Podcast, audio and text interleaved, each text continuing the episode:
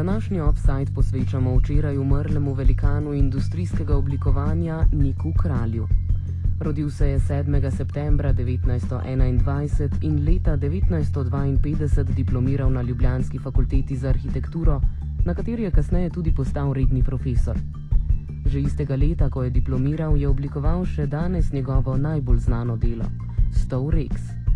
O pomenu kraljevega dela za takratno jugoslovansko okolje in tudi širše govori Barbara Predan iz Akademije za likovno umetnost in oblikovanje.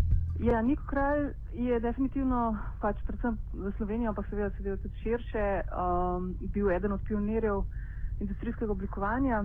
On je bil pravzaprav pri njemu bilo neverjetno to, da je že v prvem letu delovanja, ko je povabljen kot res mladi diplomant, takoj po fakulteti za arhitekturo v Stov Kamnik, uh, da začne delati tam kot projektant je pravzaprav mu je že samo v prvem letu, letu 1952, 1952, uspel ustvariti dva taka zgodovinska mejnika. Eno je bilo to, da je pravzaprav ustvaril ali pa organiziral prvi neko projektantsko delo ali pa kot neke vrste lahko rečemo oblikovalski studio v katerikoli tovarni, ki je bila v Sloveniji in Jugoslaviji uh, v tistem času. Um, hkrati pa še isto leto mu je pravzaprav uspelo tudi uh, ta še danes eden najbolj znanih stolov oblikovati, to je bil Stov Rex, seveda je potem usledila, to je bilo zelo značilno za njega, da pravzaprav konstantna evolucija njegovih lastnih idej, on je vedno konstantno sam sebe popravljal in to je pač trdil, da je to narava oblikovanja, da se pač treba konstantno popravljati, da se vse da narediti boljše. Um, in potem pač je prišlo skozi nekaj let do te zložljive ali pa sklopljive verzije Rexa, ki ga pa tudi danes vsi poznamo. Uh, zdaj širše, drugače, on res ključen to, da je za rečemo oblikovanje pokazal, da uh, lahko v resnici, kako zelo pomembno je, da pa živimo v okolju, kjer je uh, da je dobro oblikovano, zato ker to vpliva na samega človeka in s tem je pravzaprav odgovoril na vso to modernistično logiko, ki je veljala v svetu, ampak hkrati je pa prinesel tudi k nam uh, v Slovenijo, v Jugoslavijo in pravzaprav uh, ponesel kulturo bivanja na res visok nivo. O dosežkih Nika Kralja smo govorili tudi z Vladimirjem Pezdircem, prav tako iz Akademije za likovno umetnost in oblikovanje. Sam Niko Kralj in njegova dela so seveda najprej izredno pomembna za ta takratni, no, eh, bom rekel, srednjeevropski prostor, posebej za uh, takratno jugoslovansko produkcijo oziroma kasneje še bolj uh, zožena za slovensko. Ne. On je bil v času, ko so nastajale uh, njegove, uh, njegovi projekti, sigurno uh, v duhu, toku z takratnimi vodilnimi svetovnimi oblikovalci, v tem ni nobenega dvoma. Zato so tudi ta njegova dela, ki so pravzaprav najbolj poznana, Rex ali pa mogoče malo manj poznan, saj meni, uh, bom rekel, tudi bolj drag, uh, s to moskito, sigurno. Uh, projekti oziroma oblikovalski dosežki, ki presežejo uh, čas uh, in vse in jih lahko imenujemo, mislim, uvrščamo v umetnost, kadar govorimo o oblikovanju kot umetnosti. Ne.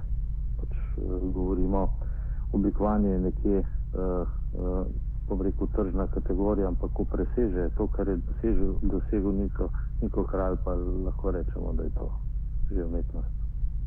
Je pa seveda pod drugi strani, zdaj sem govoril o njegovih, uh, o njegovih delih, dosežkih, ki jih je bilo omenjeno, sem seveda samo dva, ampak tudi cela serija enih čudovitih uh, izdelkov. Uh, je bil seveda tudi pomemben kot uh, pedagog in uh, nekak uh, mentor in uh, mo motor tega dogajanja na področju oblikovanja v, v Sloveniji. Vse to, kar bo, je nam bil uh, te, pač mlajše generacije vzornik in bo verjetno tudi te generacije, ki prihaja, ki je in ki prihaja na, uh, rečem, na sceno, oblikovalsko sceno v, v, v Sloveniji in v Evropi.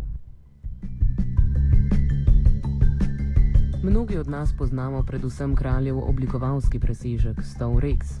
Barbara Predan o drugih nekoliko manj znanih, a prav tako vrhunskih dosežkih od uh, stolov, ki so pač še vedno veli, pač res pomembna dela, je seveda stol lupina. To je pravzaprav stol, ki ga še danes v večini čakalnic v bolnicah ali pa zdravstvenih domih najdemo. Drugače pa tudi po, po letališčih in tako naprej. To je res en tak uh, izgledno markanten in, plazno enostaven stol. Za moje pojme še veliko boljši kot Rex. Uh, potem je eden drug, tretji stol, ki je zelo pomemben, njegov je 4455, uh, ki se ga naprimer danes najde, če boste šli kdaj v moderno galerijo. Um, drugače pa, pa potem, kasneje, ko je bil na inštitutu, je pa pravzaprav njegov fokus se malo odmaknil stran od stolov in je pa razvijal pohištvene sisteme. In tukaj so bili pa On je izhajal iz tega, da pač, uh, je razvil nek modul, ki se ga je potem dalo prilagajati ali pa potem pač graditi uh, in iz tega narediti pravzaprav vse, od domar do pohištva, od samega tega sedežnega pohištva do klubskih mizic in tako naprej. In tukaj so bile pa različne potem uh, variante, ki so prišle tudi do industrije. Uh, in so pravzaprav, morda niti ne vemo, ampak uh, je bilo v večini dnevnih sob, smo imeli pravzaprav neka kralja na nek način skoraj da vsi doma. Ključni material, s katerim je delal kralj, je bil les. Morda je bil tudi v tem pred svojim časom, saj les danes spet pridobiva na veljavi. Kot pravi Pezdirc, je ključno za oblikovalca, da razume in pozna material, s katerim dela. Ja, on je nedvomno, ne, kot sem rekel, za oblikovalca poleg ostalega vedno tudi pomemben, da, da razume in pa pozna material, katerega uh, hoče obdelovati. In za kralje je to značilno, da je bil pač v lesu, bom rekel, nekako doma. On ga je izredno dobro poznal, posebej lamedela na lesu, vse te zakonitosti in vse probleme, ki jih seveda ta material tudi kot vsak drug nosi s seboj. In to se je kazal ravno na, na kvaliteti in na njegovih dosežkih. Ne. On je ta material, bom rekel, znal stoprocentno pravilno izkoristiti in mu dodati seveda vse te parametre. Ne. Tukaj ta skrivnost, ne, da je bil izredno dober uh, poznavalc in tudi uh, seveda poznal izredno dobro vse postopke, zaradi tega je lahko sploh kreiral take uh, mojstrovine, da tako rečem. Takoj po študiju se je kralj zaposlil v tovarni pohištva Stov v Duplici, Leta 1960 pa je postal docent na Ljubljanski fakulteti za arhitekturo, kjer je kasneje dobil tudi redno profesuro. Barbara predano kraljevi vlogi pri izobraževanju na področju oblikovanja. On je potem bil že v začetku 60-ih let, se strani Edvarda Ravnikarja povabljen na takrat izjemno, še danes pa še izredno slavno smer B, ki je pač nažalost sicer potem prehitro končala. No, leta 66 je pa potem on prevzel inštitut za oblikovanje, tudi na takratni fakulteti za arhitekturo in gradbeništvo, pa geodecija je bila še v tistem času. No, in to je on pravzaprav do upokojitve vodu um, in je nekje vse do, pravzaprav v tem obdobju od 66 do uh, leta 84, ko smo končno pravzaprav dobili visokošolsko izobraževanje z področja oblikovanja, pa pravzaprav on vsaj mal ali pa vsaj delno kriv ta manjko, ki je pravzaprav veljal v, v slovenskem izobraževalnem prostoru. To se pravi, da je vsaj nekdo um, dajal ali pa predajal znanje se stališča oblikovanja tudi naprej v pedagoškem smislu in seveda tudi sam inštitut, kako ga je on peljal, je pravzaprav na nek način uh, zelo vizionarsko, predvsem glede na to, kako si danes predstavljamo uh, univerzitetni študij, predvsem v tem smislu, da je želel konstantno povezovati se z industrijo. On je zelo velik del z lesno industrijo, ker pač temu je bil izredno močen, bil je izučen najprej kot mizar, pa pa diplomiral kot arhitekt. Um, in potem ta je njegova ideja, je to logika, kako pač oblikovanje more iti z roko v roki. Uh, v industriji je pač peljal tudi potem kasneje na svoj samem tem pedagoškem procesu in pravzaprav omogočil um, kolegom, ki so delali na inštitutu in seveda študentom, da so pravzaprav prispevali nekaj znanja iz prakse in je uh, na ta način pravzaprav kar ogromno premaknil tudi to samo razumevanje, kako počevati oblikovanje pri nas. Kralj je začel oblikovati v času, ko so si tudi na tleh bivše države ljudje vedno lažje privoščili kupovati kvalitetno sodobno pohištvo. Barbara predan na koncu še o tem, kako je človek, kot je bil Niko Kralj, gledal na sodobne cenene izdelke.